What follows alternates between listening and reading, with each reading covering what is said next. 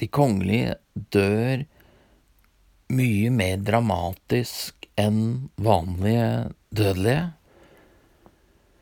Så de trekker det siste åndedraget så langt at en skulle nesten tro de har en sånn egen evne til et siste etterdrag som de kan holde gående i dagevis, uker. For de dør jo så lenge. Når de dør, så fortsetter de å dø i dager, uker. Altså, de dør så voldsomt at de drar på turné. Det er ingen andre enn de kongelige som drar på turné når de dør. Selv ikke popstjerner eh, drar på turné når de dør. Det er ingen som forventer noe av en død popstjerne. Man er jo heller imponert hvis de klarer å nå en respektabel alder. Og man er jo imponert hvis det ikke er et belte rundt halsen eller masse kjemikalier i blodet, eller de har krasja en dampveivalser i et fly eller noe i, i den stilen.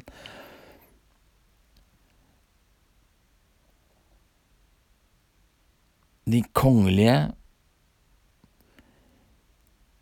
har en egen evne til å overgå alt annet. Det er så store forventninger de lever med.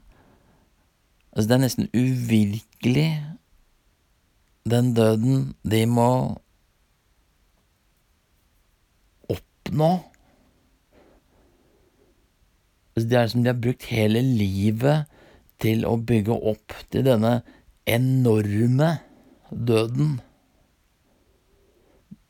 Mens vi andre vanlige dødelige, vi er mer opptatt av livet mens det skjer, så virker det som det er litt omvendt med kongelige. De blir jo voldsomt omtalt etter de er døde.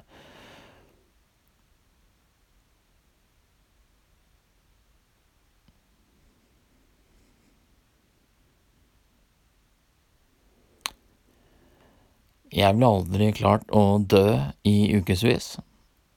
Jeg ville på et eller annet tidspunkt sluppet en uh, fjert. Uh, du ville hørt noe musikk fra kista. For jeg hadde smugla inn en uh, smarttelefon og ligget der og hørt musikk eller noe sånt. Så sånne scener hvor du liksom hører tone til Rolling Stone, 'Start me up'. Det Derfor kan ikke jeg bli kongelig. Jeg tror det trenger Det trengs noen som har øvd hele livet for å klare å få til dette her. Og selv Jesus må jo være litt imponert på hvor langt de kongelige klarer å dra det. Altså, de, de skal jo tross alt bare én vei og likevel så bruker de en tre-fire ganger så lang tid som det Jesus brukte. Han, han, kom faktisk tilbake igjen, altså. Det er ingen som forventer at de kongelige skal komme tilbake igjen. Men eh, Jesus eh, tok seg sin tid, han òg, altså. Han brukte tre dager vi her eh, vanlige dødelige på jorda, vi syns at uh, tre dager, det er ganske mye. Men en uh, En som jobber i NASA, da, og har vært på månen, han vil jo kanskje synes at Veit du hva, det å dra opp til himmelriket og ned sånn på sparket, uten å liksom ha hatt noe mulighet til å forberede seg, få en romdrakt og få øvd litt på å bevege seg i Eh, gravitasjonsløs tilstand osv. Det er ganske imponerende. Det er egentlig faktisk ganske raskt, altså.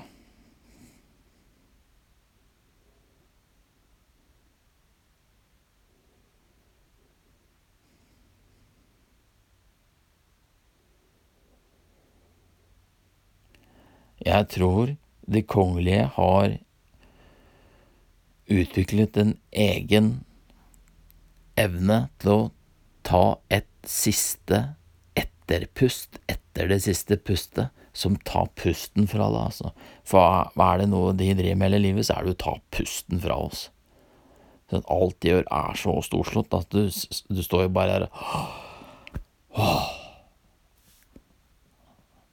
Og så med så lang erfaring som de har, for kongelige blir jo gamle, det er jo ingen som forventer masse kjemikalier i blodet og den slags type ting eh, der.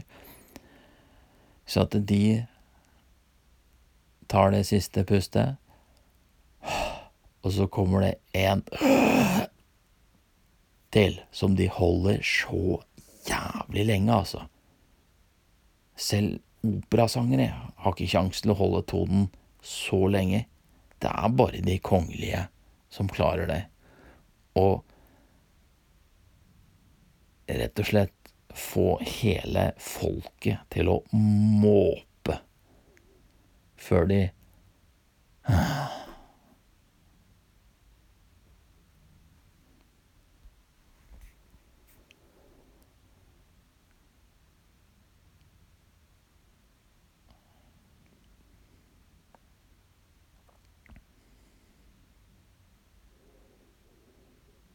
Hvis jeg skulle prøvd på noe lignende, ikke bare hadde jeg blitt avslørt tidlig med en eller annen lyd fra kista, men jeg har ikke privatsjåfør. Altså, det er veldig vanskelig for meg å arrangere en sånn gedigen, uh, gedigent opplegg hvor kisten skal vises rundt i byen og ligge liksom der og der i flere dager, og så flyttes dit og sånn.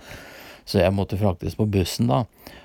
Og siden folk ikke ville vite hvem jeg var, så vil det bli veldig kleint, ekkelt, liksom. En kiste rundt, og tenk om alle gjorde dette, det blir veldig mange kister rundt omkring overalt. Det ville tatt veldig mye plass. Og kanskje ført til flere trafikkulykker og sykkelulykker, sparkesykkelulykker og sånn, for det folk ser jo ikke. Så det er veldig bra at det er bare de kongelige som gjør dette her. Hvis ikke så ville det blitt kaos.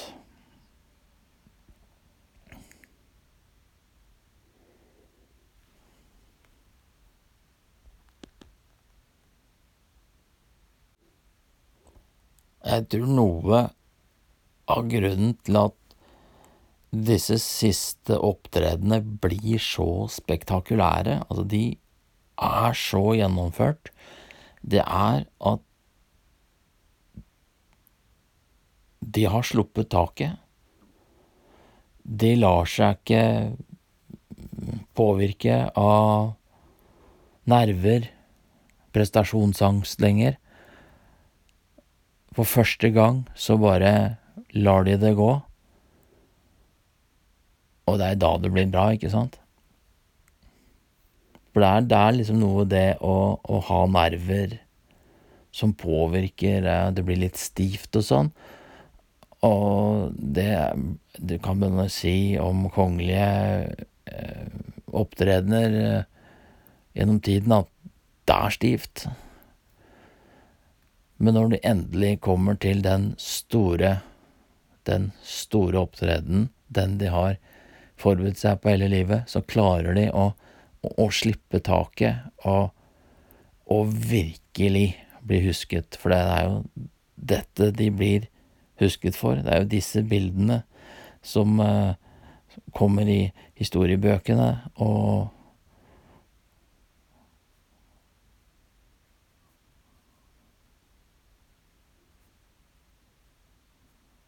Ja, snakk om å gå ut med et stort smell.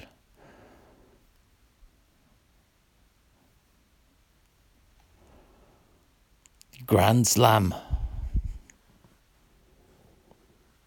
The Big Bang. Det er en banger. Det er derfor popstjerner eh, ikke får opptre etter at de er døde, for det, de klarer ikke å lage en sånn banger. ABBA prøver nå, men de jukser med digitale avatarer. Det er bare de kongelige som klarer å lage en skikkelig global banger. En siste. bang!